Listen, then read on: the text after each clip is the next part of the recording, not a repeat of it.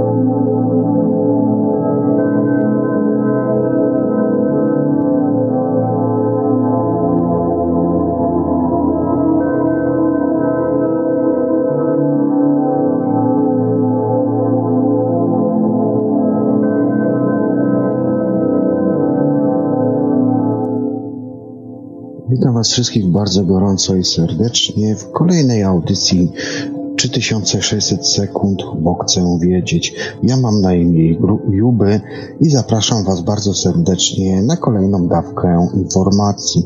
Kontynuujemy wątek, który zacząłem audycję wcześniej, a więc mówimy o najbardziej absurdalnych teoriach spiskowych, które być może są prawdą, a być może są kłamstwem. A zatem na, pierwszy, na pierwszą informację y, postanowiłem wybrać teorię dotyczącą Kurta Cobaina, który rzekomo został zabity przez żonę. Kiedy Kurt Cobain opuścił Courtney Love, ta wynajęta detektywa ta wynajęła detektywa Toma Granta, żeby poinformował ją o poczynaniach męża. Obawiała się, że ma on nową miłość, a z nią zamierza się rozwieść. To drugie zresztą też było prawdą. Przyjaciele lidera Nirwany postanowili, że był zdecydowany on zakończyć destrukcyjny związek z gwiazdą zespołu Hall. 5 kwietnia 1994 roku zginął on niby w letnim domku w Seattle przepraszam, w Seattle. Gdyby nie to, że strzał ze strzelby półautomatycznej Remington roztrzaskał mu twarz, twarzową część czaszki, zabiła go po prostu heroina. Jego ciało znaleziono trzy dni po śmierci. Obok leżały strzelba oraz pudełko z nabojami. Ze względu na list pożegnalny policja uznała, że ma do czynienia z samobójstwem. Krew Kurta zawierała trzykrotnie śmiertelną, trzykrotną śmiertelną dawkę heroiny. Ta informacja dała do myślenia detektywowi, który to postanowił, zająć się sprawą wnikliwe, y, się sprawą wnikliwej od policji. Po niedługim też czasie wiedział, że jego klientka stoi być może za śmiercią mężczyzny, którego to kazała zabić. Kluczową sprawą była rzekomo depresja Kurta. Courtney wielokrotnie podkreślała jego zły stan psychiczny, podczas gdy inne osoby, które zetknęły się z nim na krótko przed 5 kwietnia, twierdziły, że był on w dobrej kondycji psychicznej, miał plany i pozytywne nastawienie do przyszłości, mimo kłopotów w zespole. Im dłużej Grant drążył temat, tym bardziej był przekonany, że Cobainta zabito. Dowiedział się, że męczące bóle żołądka, na które cierpiał, w cudowny sposób ustąpiły, gdy znalazł się on daleko od żony. Był on skłonny uznać, że w jakiś sposób, być może ona podtruwając, um, utrzymywała Kurta w stanie niedyspozycji. Miał on dosyć bólu, twierdził jego znajomy. Przede wszystkim jednak miał dość apodyktycznej żony. W trakcie oficjalnego śledztwa jedyną rzeczą, która wydała się podejrzana policji, była, był bardzo wysoki poziom heroiny we krwi ofiary. Testy wykazały ponad 1,52 ml na litr, co nawet u mocno uzależnionych, a więc i częściowo uodpornionych na jej działanie, oznaczałoby niemal natychmiastową śmierć, śmierć tuż po wszczyknięciu. Gdyby Kurt samodzielnie zaaplikował sobie tak końską dawkę, zapadłby w śpiączkę, zanim zdążyłby wyjąć igłę. Taki był właśnie pogląd patologów sądowych. Tymczasem sprzęt do iniekcji był odłożony, a przed utratą świadomości Kurt zdołał się zaszczelić, trafiając w tył głowy. Tak w każdym razie napisano w policyjnym raporcie. Jeden ze specjalistów stwierdził, że nawet przy dwukrotnie mniejszej dawce heroiny większość ludzi straciłaby przytomność w ciągu mniej niż pięciu sekund. Na szczelbie rzekomo użytej przez Kurta znaleziono cztery nieczytelne odciski, żadnych śladów linii papilarnych, nie było na opakowaniu nabojów ani na długopiście, którym napisano list. Czyżby więc ktoś je usunął? Analizując zdjęcia zrobione na miejscu odkrycia ciała, detektyw Tom Grant zauważył, że skoro Kurt był, Kurt był lewoskrętny, szczelba i łuska znajdowały się po niewłaściwej stronie zwłok. Do wersji morderstwa i upozorowanego, upozorowanego samobójstwa przekonało go jednak ostatecznie treść pozostawionego listu. Dysponował tylko policyjnymi fotografami. Cartney zabrał oryginał i mimo obietnic nie oddał on im specjalistom. Na podstawie zdjęć listu eksperci orzekli, że został on sfingowany przez podpisanie do, dopisanie do oryginału mówiącego o planowanym przez kursa zejściu ze sceny kilku nieudolnie sfałszowanych linijek. Jeden z nich mówi o wdzięczności dla żony. Jakby tego było mało, obciążające Courtneya ustalenia detektywa wzmocniły, wzmocniło zeznanie Eldona Hocka, którego, któremu w roku poprzedzającemu śmierć męża Courtney Locke chciała zapłacić 50 tysięcy dolarów za zabicie Kurta. Mój mężusz stał się ostatnio straszliwym dupkiem, Miała powiedzieć, po czym dodała, chcę, żebyś odstrzelił mu jego pieprzoną główkę. Test wykrywaczem kłamstw potwierdził wersję Eldona, zanim ten wpadł na podpociąg. Skoro jednak Howe nie zgodził się pomóc Courtneyowi w potrzebie, detektyw Grant yy, domyślał się, że musiała znaleźć kogo, kogoś, kto bez skrupułów dałby się główką odurzonego muzyka. Jej własny ojciec nie ma wątpliwości, kto stoi za śmiercią Kurta. Zwraca jednak uwagę, że Courtney odziedziczyła wartą milion dolarów część zysków Nirwany oraz że ani przez chwilę nie była ona w żałobie.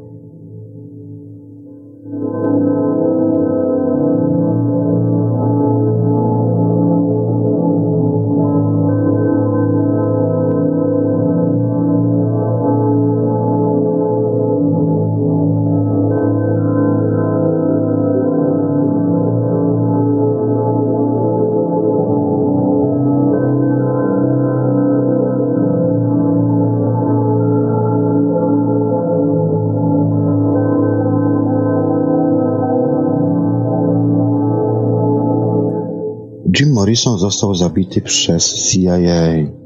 Niedługo przed śmiercią Jim Morrison zwykle mawiać osoby jako numerze trzecim na liście CIA. Numerem pierwszym miał być gitarzysta Jimi Hendrix, rzekomo zmarły na wskutek przydatkowania środków nasennych. Drugim Janis Joplin, kultowa, kultowa wokalistka, która przydawkowała heroinę.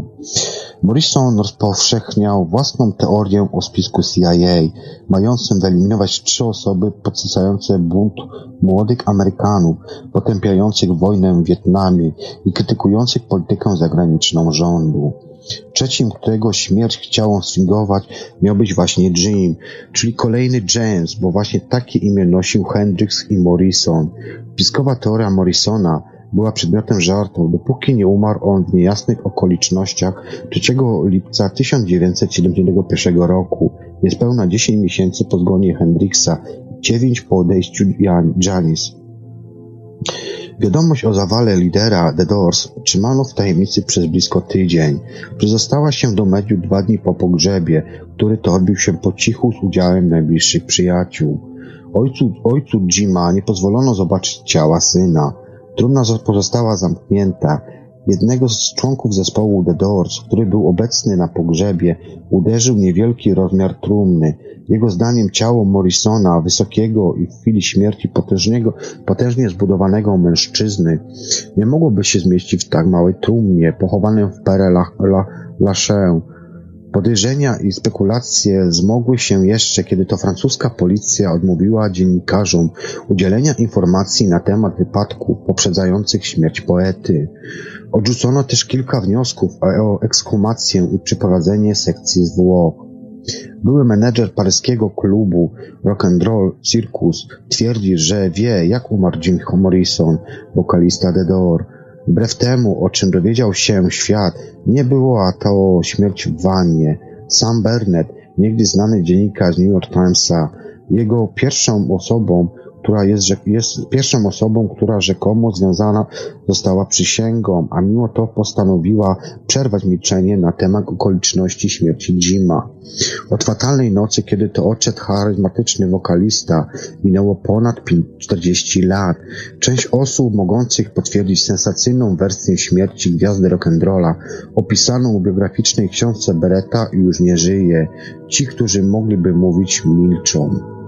27-letni Morrison i jego dziewczyna Pamela Corson przyjechali do Paryża w marcu 1991 roku. Po sensacyjnych ekscesach Jima, skazanego na dwa lata w zawieszeniu za obnażenie genitaliów podczas występu w Miami, przeczekiwali oni tutaj dziennikarską nagonkę na The Doors. Był to czas tuż po ukazaniu się płyty Ella Woman, jednej z najlepszych w karierze zespołu. Mimo to, iż Jim planował zerwanie z muzyką i poświęcenie się poezji, nie, roz, nie rozstawał się on też z torbą pełną tekstu. Pisał przy, kawiare, przy kawiarnianych stolikach oraz w metrze. Przemierzał miasto wzdłuż i wszerz, odpoczywał od sławy. To była jasna strona paryskiego Morrisona. Po mrocznej stronie były narkotyki oraz alkohol. Pamela była uzależniona od heroiny, zaś Jim zmierzał w tym samym też kierunku. Noce spędzali w gołośnym klubie rock'n'roll Circus, gdzie nie brakowało gwiazd i dealerów. Morrison nie przypominał wówczas pięknego, dzikiego frontmana z odkładki ty, y, płyty The Doors. Przytył bardzo, miał kłopoty z sercem i żołądkiem, cierpał na astmę.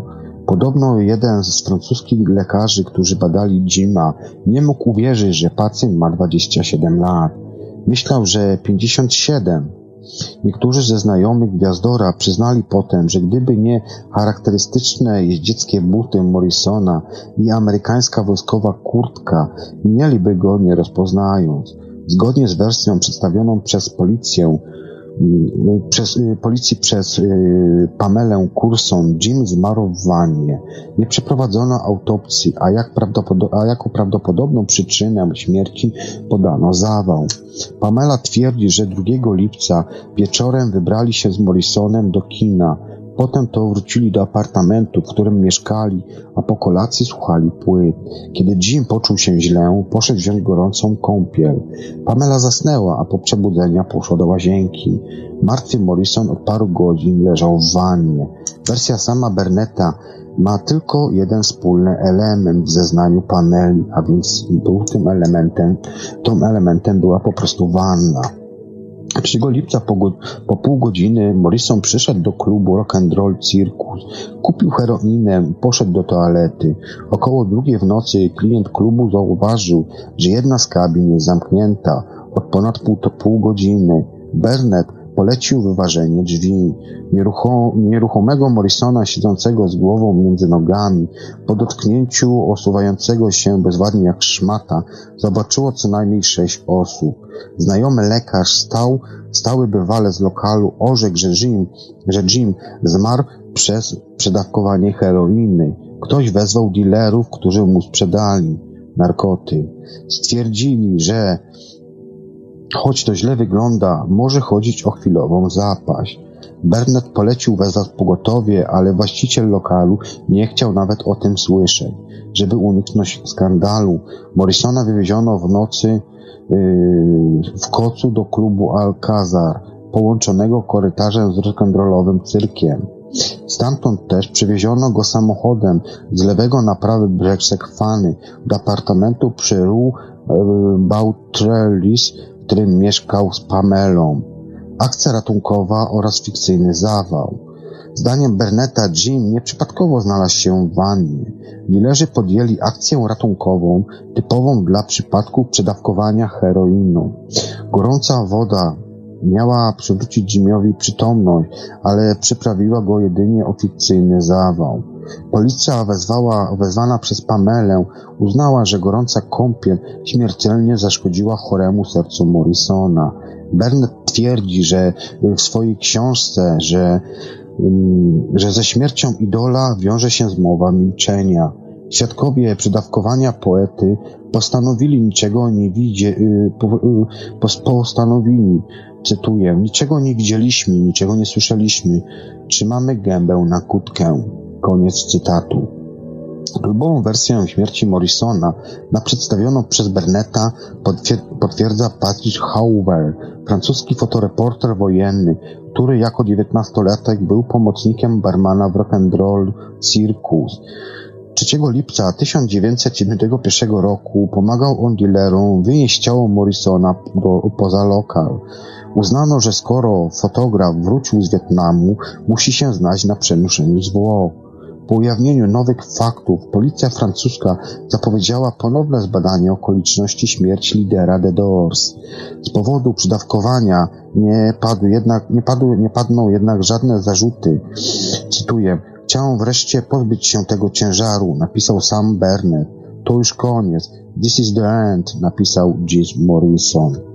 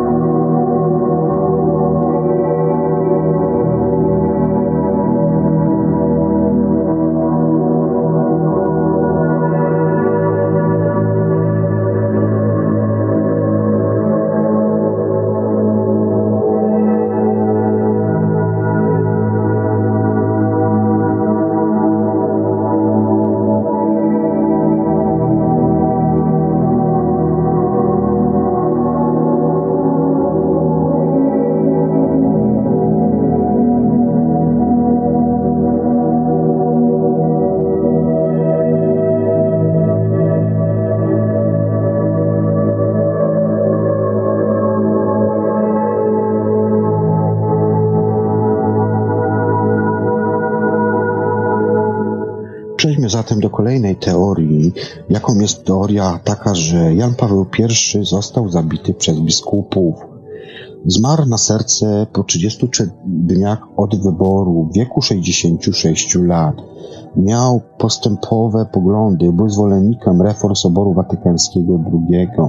Według tropicieli spisków zginął, bo okrzyku szwingle Banku Watyk bo odkrył szwingle Banku Watykańskiego i jego związki z mafią. Chcąc skryć swoje ciemne interesy, Watykan musiał dokonać ciemnego postępku, a więc zabić dopiero co wybranego papieża, zanim narobi on kłopotów.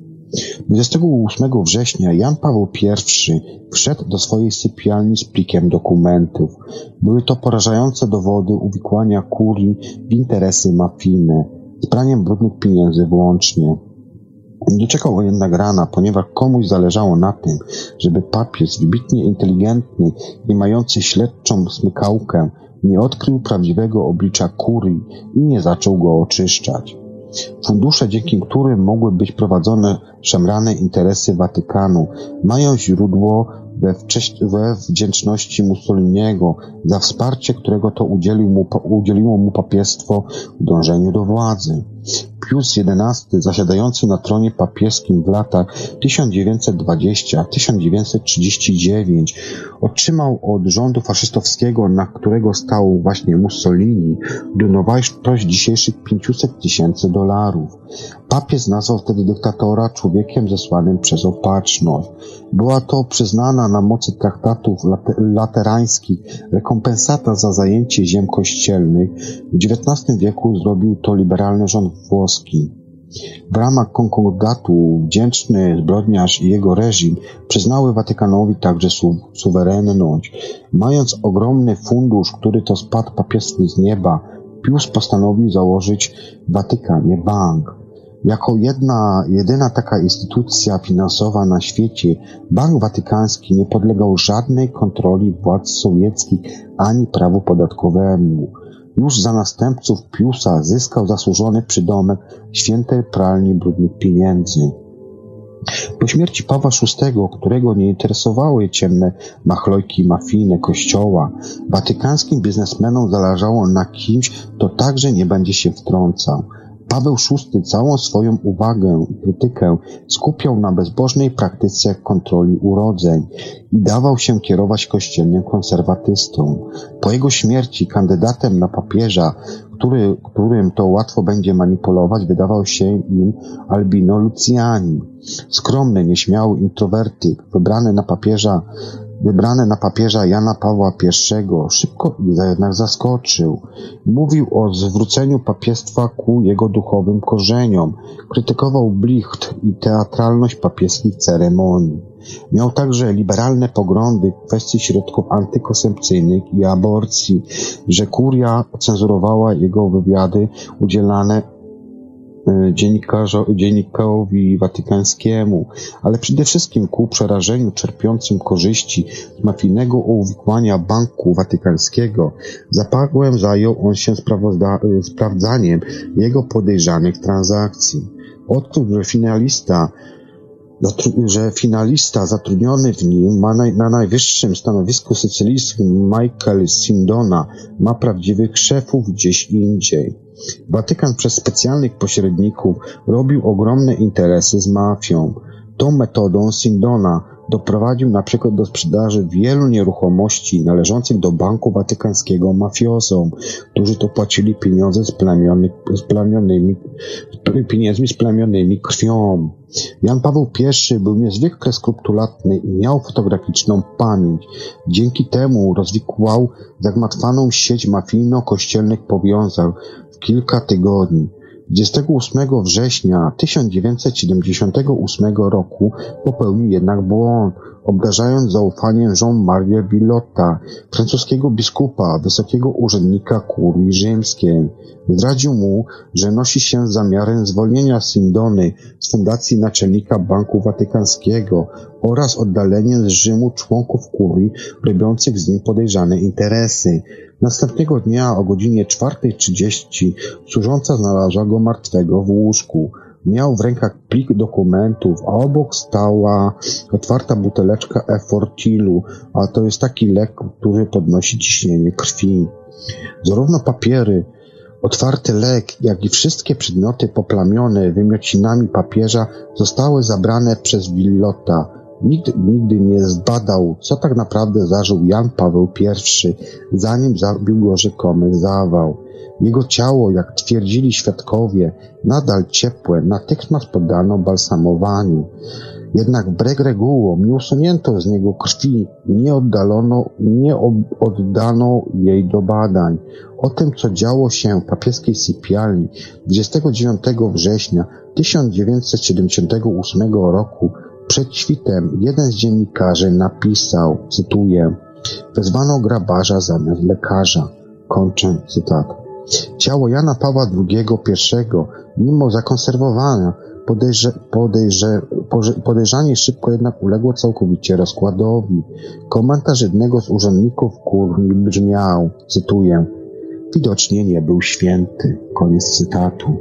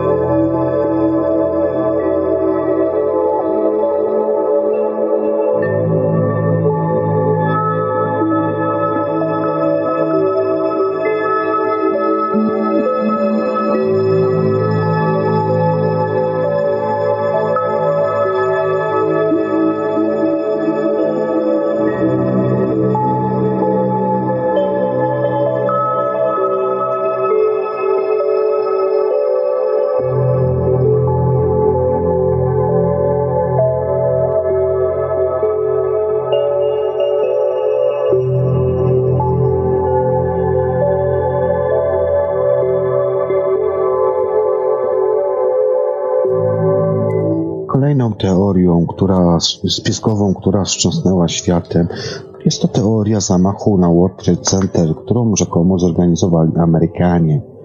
W wyniku rzekomo terrorystycznych ataków z 11 września 2001 roku na Pentagon oraz wieżę World Trade Center zginęło 2976 osób. Wojna rozpęta, wojny rozpętane dzięki największemu szwindlowi w historii spowodowały śmierć 2,5 miliona ludzi. Plan administracji Busha się powiódł. Francesco Cossiga, były prezydent Włoch, wypowiedział głośne zdanie, które wielu polityków podziela po cichu. Cytuję. Wszystkie służby specjalne w Ameryce i w Europie wiedziały dobrze, że ataki zostały zaplanowane i wykonane nie przez Al-Kaidę, ale przez grupy, którym zależało na wojnie z Afganistanem i Irakiem. Kończę cytat. Operacja mająca wyglądać na terrorystyczną miała być majstersztykiem. Ewentualne niedosiągnięcia, jak sądzono, zostaną one zauważone za, niezauważone z powodu szoku. Ale ledwie opadła chmura pyłu na Mahatanie, a nawet jeszcze zanim się to stało, do głosu doszły różne wątpliwości.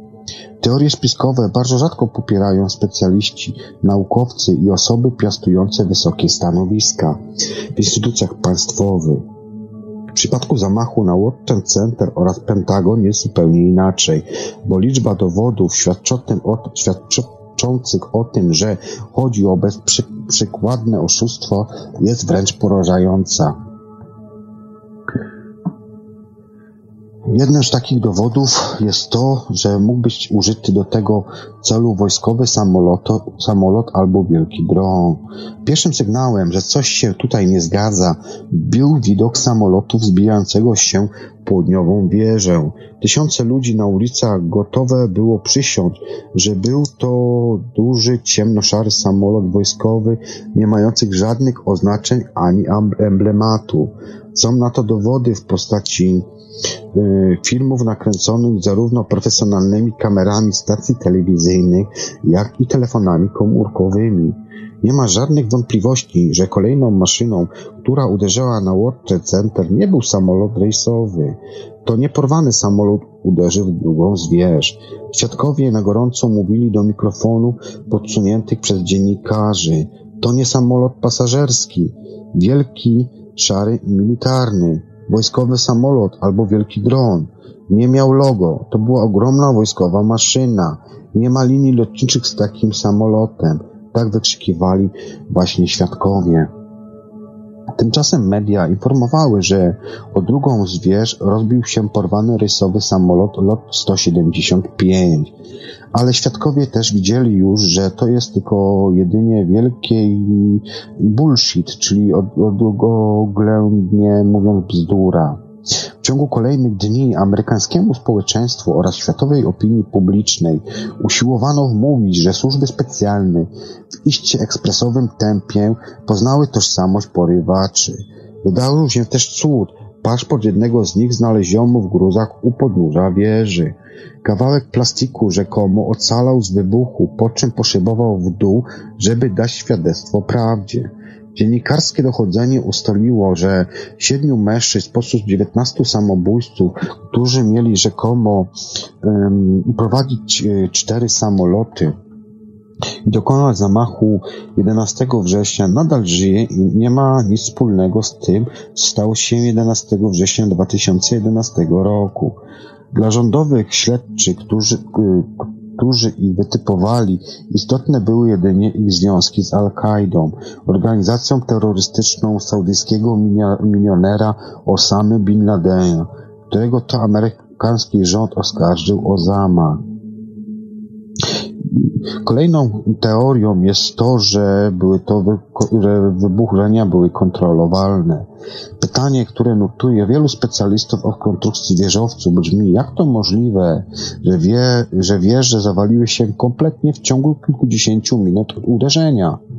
Kierownik działu konstrukcji World Trade Center powiedział w telewizji niedługo przed 11 września, że uderzenie samolotu w wieżę podawałoby taki efekt jak ołówek wbijający się moskitierę. Zapewniał, że konstrukcja budynku wytrzymałaby uderzenie wielu samolotów. Według oficjalnej wersji budynki zawaliły się w wyniku bardzo wysokiej temperatury spalanego paliwa. Jednak sądząc z wybuchów przy zderzeniu, cała nafta z samolotów wypaliłaby się natychmiast. Na podstawie przebiegu katastrofy linii eksperci sądzą, że budynku nie tylko wieże północna i południowa, ale także wieżowy z World Trade Center 7, który również runął, został wyburzony w sposób kontrolowalny poprzez zdalnie odpalanie ładunków umieszczonych wcześniej w konstrukcji. O sekwencjach wybuchów mówili ci, którzy przeżyli zamach, a także świadkowie obserwujący gmachy z pewnej odległości, którzy to zauważyli ogień eksplozji na piętach nienaruszonych przez samoloty. Detonacje, takie, takie detonacje są także wyraźnie widoczne na nagraniach wideo. Agenci federalni, którzy również słyszeli wybuchy, na początku potwierdzali, że materiały wybuchowe musiały zostać podłożone w miejscach innych niż te, które uderzyły samoloty. Jednak trudno było też utrzymać tezę, że terroryści buszowali w strzeżonych gmachach przed zamachem, podkładając bomby. Inną teorią również była teoria o licznych eksplozjach. Oficjalnie linia zaczęła się, oficjalna linia zaczęła się, y, zaczęła więc zaprzecza kontrolowalnym wybuchom na rzecz spontanicznych wybuchów paliwowo, paliwa samolotowego.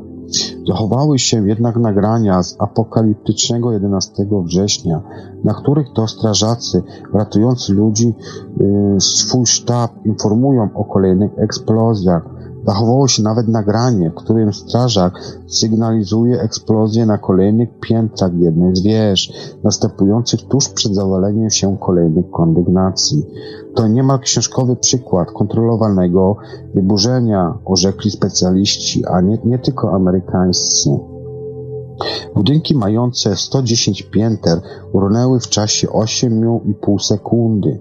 W oficjalnym raporcie fakty dotyczące eksplozji w wieżach zostały wytłumaczone w sposób wzbudzający wiele wątpliwości u specjalistów. Po latach członkowie komisji przyznali, że zdają sobie sprawę z fatalnej jakości raportu, ale wiele też zawartych w nim wyjaśnień to skutek silnych nacisków ze strony polityków, Jeden z ekspertów stwierdził, cytuję, Republikanie bali się, że wskażemy prawdziwego winowajcę w trakcie kampanii prezydenckiej. Kończą cytat. Nowy Jork bez obrony. Rząd chciał jednak w tej sprawie zatuszować znacznie więcej faktów. Zastanawiające jest postępowanie tuż po ataku Dowództwa Obrony Północnoamerykańskiej Przestrzeni Powietrznej i Kosmicznej, w skrócie NORAD. Cztery porwane samoloty latały bezkarnie nad terytorium Stanów Zjednoczonych przez ponad godzinę, niewychwytywalnych przez myśliwce. Co dziwne, akurat tego dnia NORAD przeprowadzały ćwiczenia, rozsyłając samoloty w odległe części Stanów Zjednoczonych. Rejony Nowego Jorku oraz Waszyngtonu pozostawały praktycznie bez obrony. Ogromne wątpliwości również budzi też lot 77 i uderzenie w Pentagon 11 września o godzinie 9.38 rano. Zginęły wtedy 64 osoby na pokładzie samolotu i 125 osób personelu budynku pilot Hani Hanyur, posiadający jedynie podstawowe umiejętności pilotażowe Cessny, wykonał nagły zlot ogromnym Boeingiem z jednoczesnym opadaniem przy prędkości 850 km na godzinę.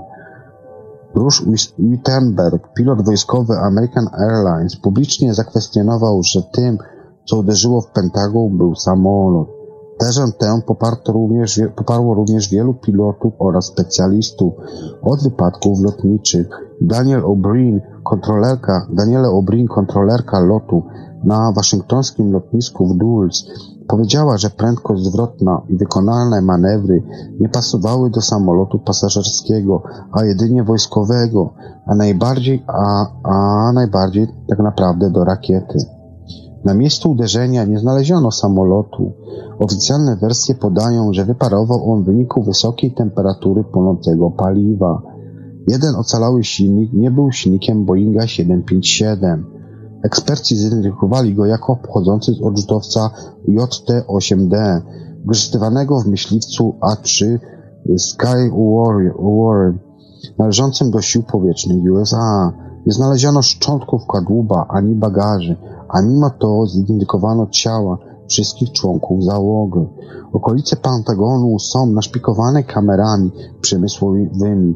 FBI skonfiskowało jednak natychmiast wszystkie zapisy z kamer, które to uwieczniły zdarzenie.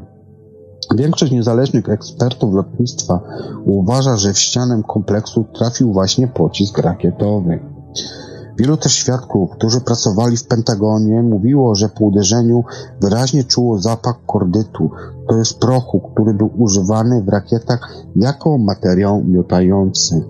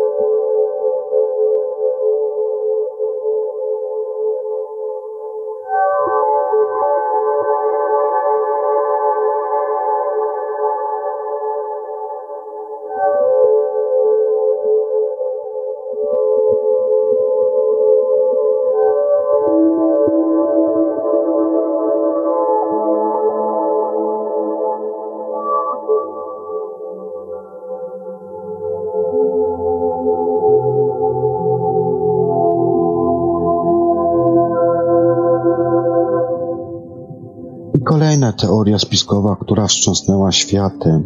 Teoria dotycząca tego, że Kennedy'ego zabiło CIA. JFK ginął przez ostatnie pół wieku wiele razy.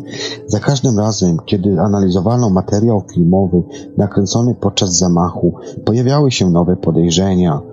W końcu jednak okazało się, że za spust pociągnął kierowca, a jeśli nie, że za spust pociągnął kierowca, a jeśli nie on, to z pewnością zazdrosna, upokorzona romansami męża Jacqueline, Jackie Kennedy, a potem dla niepoznaki zbierała kawałki jego czaszki. W większości wersji o w zamachu, zamachu z 20 listopada 1963 roku pierwsze skrzypce grała CIA, Współpracując z francuską organizacją OAS, Organizacja Tajnej Armii, ludzie z Centralnej Agencji Wywiadowczej opracowali plan zabicia prezydenta, który, będąc przeciwnikiem wojny w Wietnamie, chciał poprzeć interesy wielu wpływowym Amerykanom. Z kolei Francuzi patrzyli z niepokojem, jak USA coraz bardziej zabiega o wpływy w Azji Południowej, Indiach i Pakistanie gdzie mieli oni swoje rozliczne interesy i powiązania jeszcze z okresu Indii francuskich. Amerykańska agencja zawiązana z Francuzami, z OAS, zawią, zawią, przepraszam, amerykańska agencja zawiązała z Francuzami z OAS. Człowiek z tajnej armii miał odstrzelić prezydenta.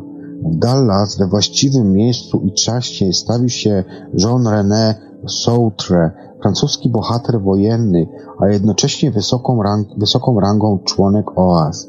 We Francji poszukiwany, podejrzewany o udział w dwóch spiskach na krajowych dygnitarzy, przez przyjaciół nazywany był jako Robin, Hood, Robin Hoodem. Dlaczego właśnie on? Bo był on niezawodny, zdecydowany i odważny, a przy tym zwinny jak kot. CIA potrzebowała kogoś, kto nie spodłuje i nie ucieknie. Jak wynikało ze śledztwa francuskich historyków, którzy doszukali się związków z OAS CIA, Sontre faktycznie przybywał w Dallas w dniu zabójstwa Kennedy'ego. Twierdził, że wybrał się tam na wycieczkę. Traf chciał, że obserwował tragiczne zdarzenie z odległości pozwalające na celny strzał.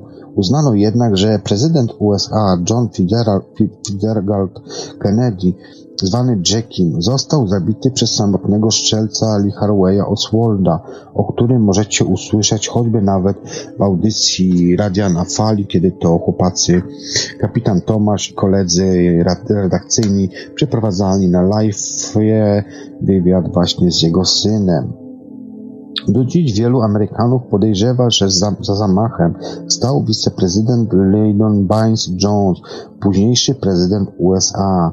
Koncerny przemysłowe, które po wycofaniu się z bezsensownej wojny w Wietnamie straciły intratne kontrakty, przekonywały LBJ, że usuwając JFK zyska ich wsparcie i szybko zajmie fotel Jacka, co okazało się prawdą. Ten wątek historii zabójstwa Kennedy'ego wzmocniło wyzwanie wdow y, Jackie Onassis, że Johnson mógł maczać palce w zabójstwie jej męża. Podobno do, po, y, dowiedziała się od przyjaciół, że funkcję wiceprezydenta Lydona dostał od JFK zamiast za milczenie. Wiedział wszystko o romansach y, prezydenta oraz o tym, że John i jego brat Robert mieli zwyczaj wymieniania się kochankami, czego faktycznie doświadczyła choćby nawet Marilyn Monroe. Z Dallas do, z Dallas do prezydenta strzelał agent FBI. Prawdziwym wykonawcą umowy z firmami uzbrojeniowymi szybko unieważnił on rozkaz Kennedy'ego o wycofaniu wojsk USA z Wietnamu. Koncerny mogły wtedy więc dalej zarabiać swoje krocie na wojnie. Na konflikcie prezydenta CIA wskazuje zupełnie też inny nieziemski wątek. Po 2 lipca 1947 roku CIA weszło w posiadanie wraku o UFO. Katastrofa w Roswell. Latający spodek z czterema obcymi istotami na pokładzie rozbił się właśnie na ranczu 120 km od Roswell w stanie Nowy Meksyk. Katastrofę miało, przeży, miał, miała, miał przeżyć jeden z załogantów tego pojazdu. Przywieźli oni go do bazy wojskowej Roosevelt, właśnie tego jednego rozbitka, a następnie do nieistniejącej jeszcze wówczas strefy 51 w Nevadzie, gdzie nawiązany został kontakt z innym obcym, a ci no, zawarli układ CIA. Agencja prowadziła tajny program, pozyskując ziemskie technologie w zamian za zezwalanie na tak zwane wzięcia, czyli porywanie ludzi przez UFO. Kennedy stanowczo domagał się od agencji dostępu do informacji o współpracy z kosmitami. Stał, um, słał on do CIA pisma stanowiące coraz większy kłopot.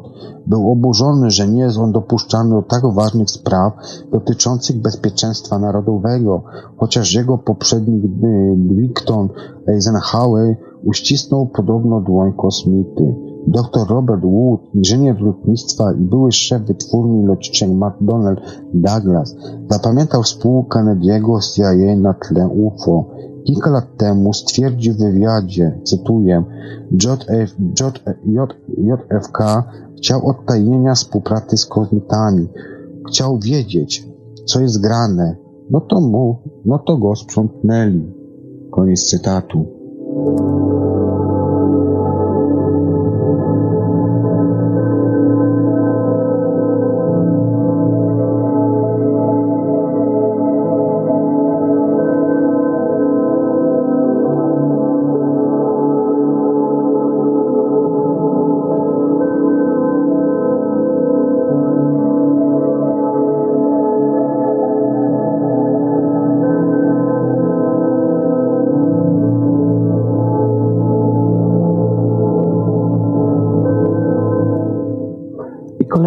Teoria spiskowa, która wstrząsnęła światem, dotyczy ona grupy Bilderberg, która rzekomo trzyma ster.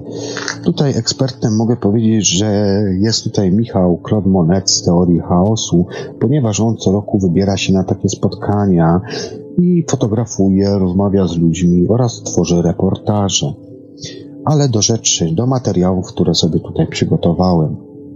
Szczyt piramidy finansowej władzy, na którym są tylko elity elit, tak postrzegany jest właśnie klub y, Bilderberg, który jest nieformalnym międzynarodowym stowarzyszeniem wpływów polityków i biznesmenów. Grupa Omawia m.in. sprawy dotyczące światowego bezpieczeństwa. Nazwa klubu pochodzi od miejsca pierwszego spotkania w hotelu Bilderberg w szwajcarskim Osterbrück w maju 1954 roku. Inicjatorem debaty był polski polityk Józef Rettinger, ciem, cichociemny wolnomurarz, doradca Władysława Sikorskiego. Grupa zyskała opinię podejrzanej, ponieważ do połowy lat 80. jej istnienie było ukrywane. Potem do późnych lat 90. pojawiały się tylko skąpe przecieki dotyczące funkcjonowania bardzo potężnej, być może wszechmocnej organizacji z ukrycia, kierującej losami wszystkich państw. Plotki i domysły dotyczące elity elit wybuchły pod koniec lat 90., kiedy to telewizja amerykańska doniosła o tajemniczym zjeździe w hotelu na przedmieściach stolicy, którego to uczestniczy, uczestnicy koronowane głowy, politycy i rekiny przemysłu, chronieni poprzez prywatną firmę ochroniarską, podjechali czarnymi limuzami. Podczas gdy na ekranie było widać kilkanaście czarnych samochodów, pasażerami w czarnych garniturach, speaker mówił o sekretnym spotkaniu i żądał i zadał nie, niepokojące pytanie, czy to oni panują nad światem? Spiskowe spotkania klubu Bilderberg co cztery lata Bilderbergowie, jak potocznie nazywa się klub, spotykają się w Ameryce Północnej. Za każdym razem pojawiają się doniesienia o przesłuchaniu i przytrzymywaniu w aresztach dziennikarzy, próbujących zagadnąć uczestników spotkań, chcących dociec, czym naprawdę zajmuje się ta grupa. Spiskową atmosferę wokół klubu Bilderberg podsycają prasowe nagłówki typu goście, którzy kochają sekrety, i tytułów filmów dokumentalnych, jak na przykład Arcykapłani globalizacji. Wokół Bilderbergów namnożyło się wiele nieprawdopodobnych historyjek, na przykład o umyślnym podpływaniu ludzkości w celu jej zniewolenia. Daniel S. Tulin Autor książki Prawdziwa historia grupy Bilderberg twierdzi, że przy próbach dowiedzenia się prawdy o klubie wielokrotnie grożono mu śmiercią. Mimo to zapewnia, że ze swoich źródeł i przecieku zawsze jest w stanie odtworzyć wytyczne dla światowych mocach ustalane poprzez spotkania grupy. Według Eustulina, według Estulina ostatnio chodzi o oddanie władzy w ręce bankierów. Zdaniem zwolenników teorii cichej wojny toczącej się opanowanie nad światem, elity skupione wokół grupy Bilderberg zawiązały spisek z iluminatami, a w swoich działaniach uciekają się do okultyzmu. Polityczno-gospodarczy charakter spisku ma na celu skupienie w rękach grupy wybrańców ogromnej potęgi finansowej, ale nie chodzi wyłącznie o politykę i gospodarkę. Trwająca walka ma na celu okultystyczne zniewolenie i podporządkowanie całej ludzkości. Z grupy chodzi więc o to, żeby ludzie mieli poczucie, że otwiera się przed nim fascynująca dziedzina wiedzy, niedostępna innym, podczas gdy tak naprawdę znaleźli się w sieci, nie pozwalającej ich psychice trzeźwo patrzeć na świat.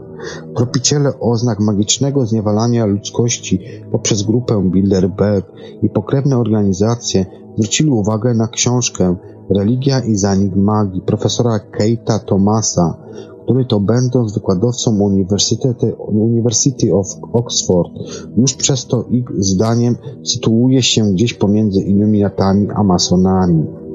Bezpieczna maga. W opracowaniu naukowca można przeczytać, że maga, magia, będąc jedną z najdoskonalszych technik psychologicznych, daje poczucie bezpieczeństwa i kontroli nad własnym życiem. Dzięki wiedzy o technikach magicznych rzeczywistość przestaje być nieprzewidywalna. Można więc samemu inicjować różne zdarzenia i wpływać na swoje sukcesy. Profesor zaznacza, że magia ze swym aspołecznym nastawionym na jednostki działaniem jest idealnym światopoglądem dla współczesnego mieszkańca Zachodu. Współczesny mieszkaniec Zachodu, poddany zniewalającym technikom magicznym, nawet się nie zorientuje, gdy grupa panująca nad światem odda władzę w ręce bankierów.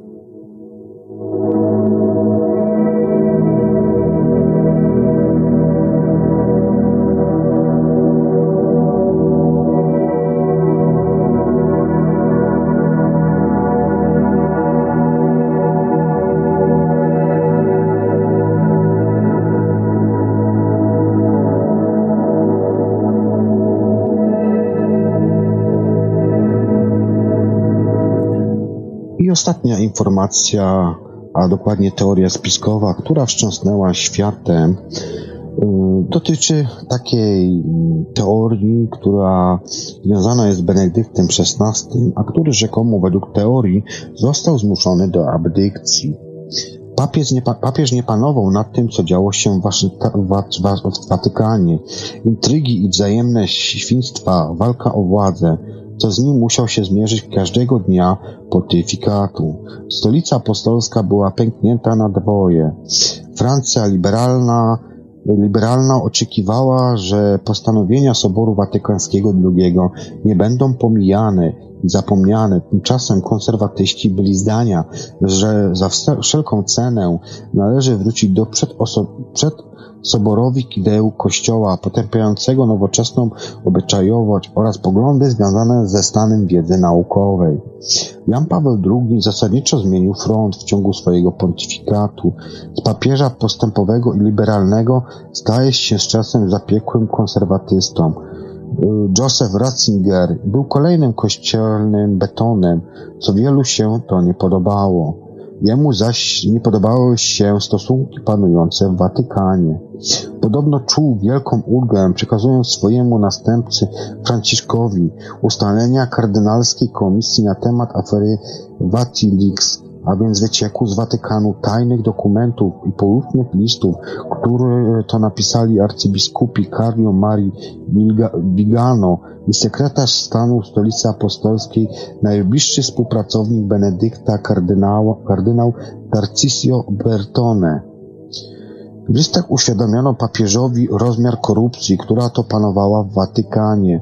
Wyzięła z nich, wyzio, wy, wyzierał z nich obraz przerażającego nepotyzmu, marnotrawstwa i niczym nieuzasadnionego szastania funduszami kościelnymi. Bardziej od listów, których treść Benektyk VI znał, przed pojawieniem opinii publicznej przerażały Retzingera wnioski płynące z przesłań Komisji Watykańskiej. Z ich steneogramu wynikało, że papież otoczony jest ludźmi, do, po których nie wie, czego się spodziewać. Większość z nich musiałby zwolnić ze stanowisk, ale wtedy znalazłby się na liście do usunięcia, niczym papież Jan Paweł I, który to został zabity w Watykanie po tym, jak ujawnił zamiar zrobienia porządku. Zdaniem profesora Franco Cardiniego mediewisty i historyka religii, e, zapoznając się z raportem Ratzinger, urżał szatana rządzącego w Waszyngtonie. Kiedy Benedykt XVI na, na, konsy, na konsystorzu 11 lutego 2013 roku informował o przyczynie decyzji o abdykcji, mówiąc, że jego siły z powodu zaawansowanego wieku niewystarczalną wypełnił on odpowiedzialny w odpowiedzialny sposób posługę Piotrową, watykaniści śmieli powątpiewać, że jest to cała prawda. Abdykcja była ewenementem, bo poprzednia taka decyzja papieża miała miejsce w roku 1415. Od średniowiecza nie zdarzyło się, żeby biskup Rzymu powiedział dość. Benedykt XVI przestał panować nad intrygami i spiskami. Czuł się bezsilny wobec nieczystych poczynień Watykańskiego Banku. Mówił, mówili zorientowani w sytuacji. Przy tym też wszystkim y, papież mógł też obawiać się, że jeśli nie usunie się sam, to ktoś mu w tym pomoże. Komu więc zależało na tym, żeby Benedykt XVI abdykował?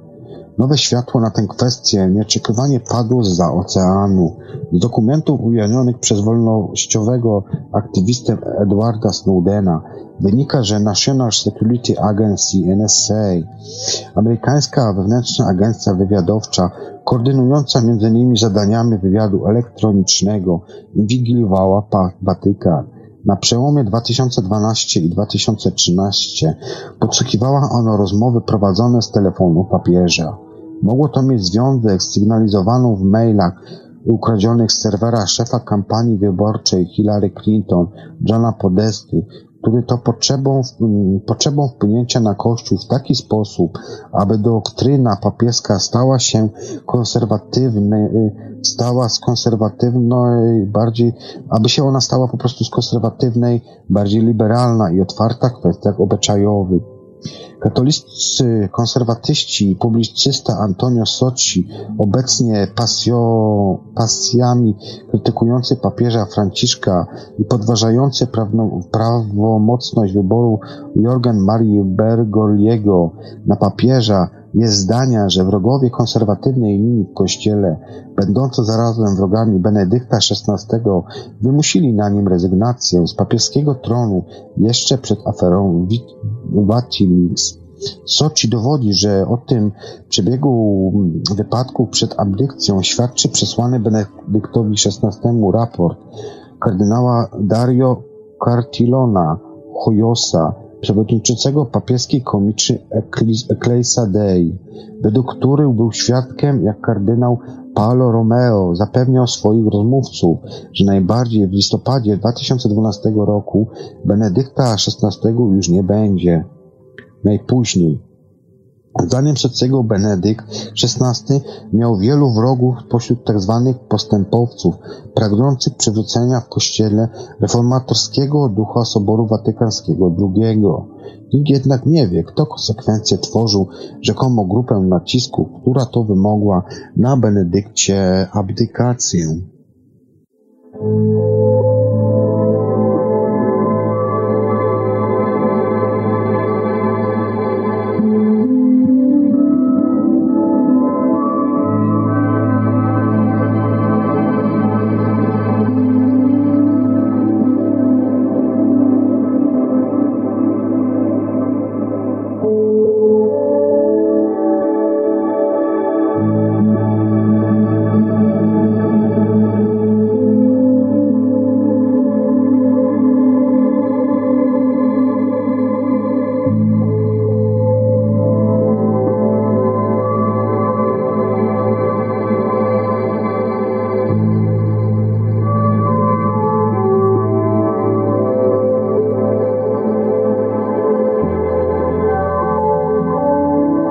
Ostatnia informacja w takim razie jeszcze się zmieszczę w czasie.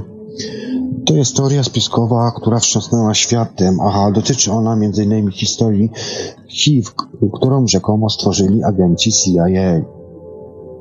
Teoria, teoria o, laboratorium, o laboratoryjnym rozwodzie HIV jest frapująca, ponieważ ma ona nietuzinkowych ojców. Są wśród nich lekarze, naukowcy, a nawet jeden radziecki szpieg z gruntownym medycznym wykształceniem.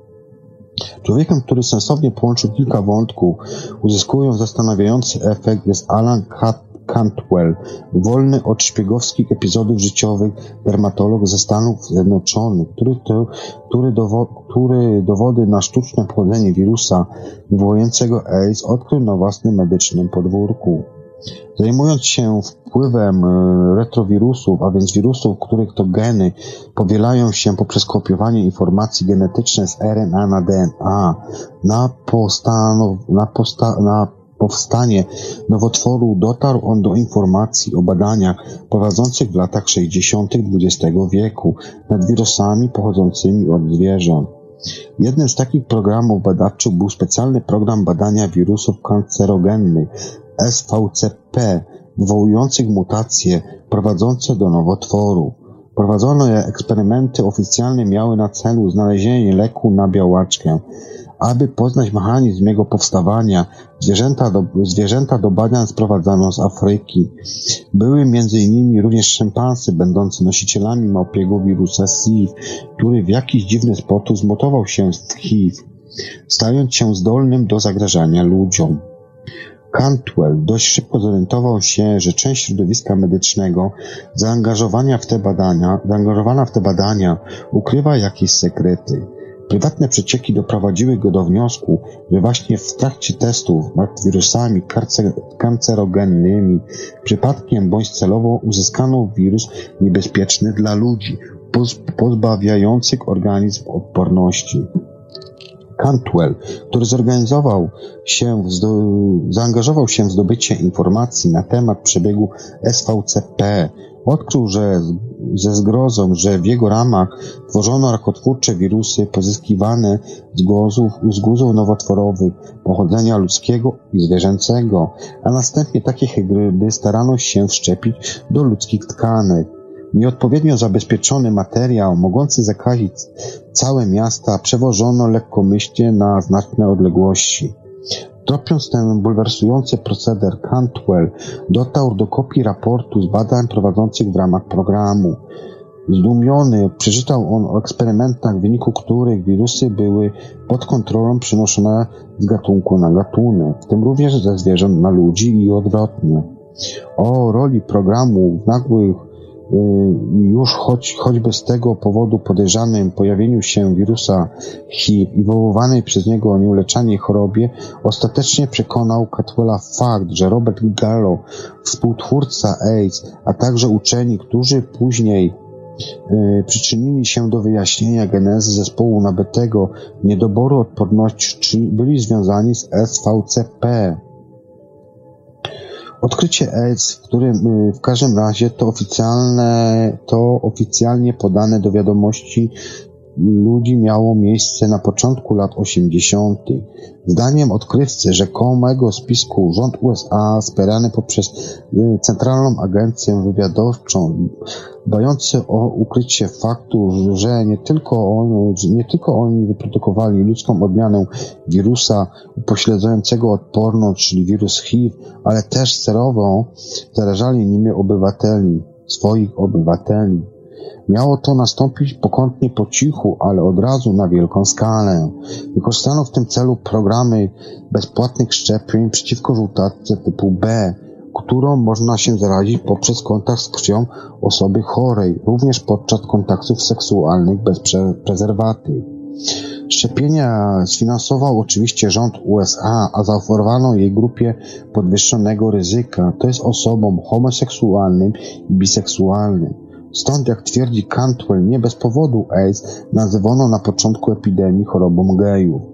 Po jakimś jednak czasie, w 1983 roku oraz później, w aglomeracjach objętych oszczepieniami AIDS, nie dość, że pojawiło się nagle i niepozornie, że pojawiła się ona nagle i niepozornie, bez powodu, to jeszcze zabrakło największe, naj, jeszcze zabrało ona największe śmiertelne żniwo. Nie istnieją badania potwierdzające, że zachorowały osoby wcześniej zaszczepione przeciwko żółtaczce.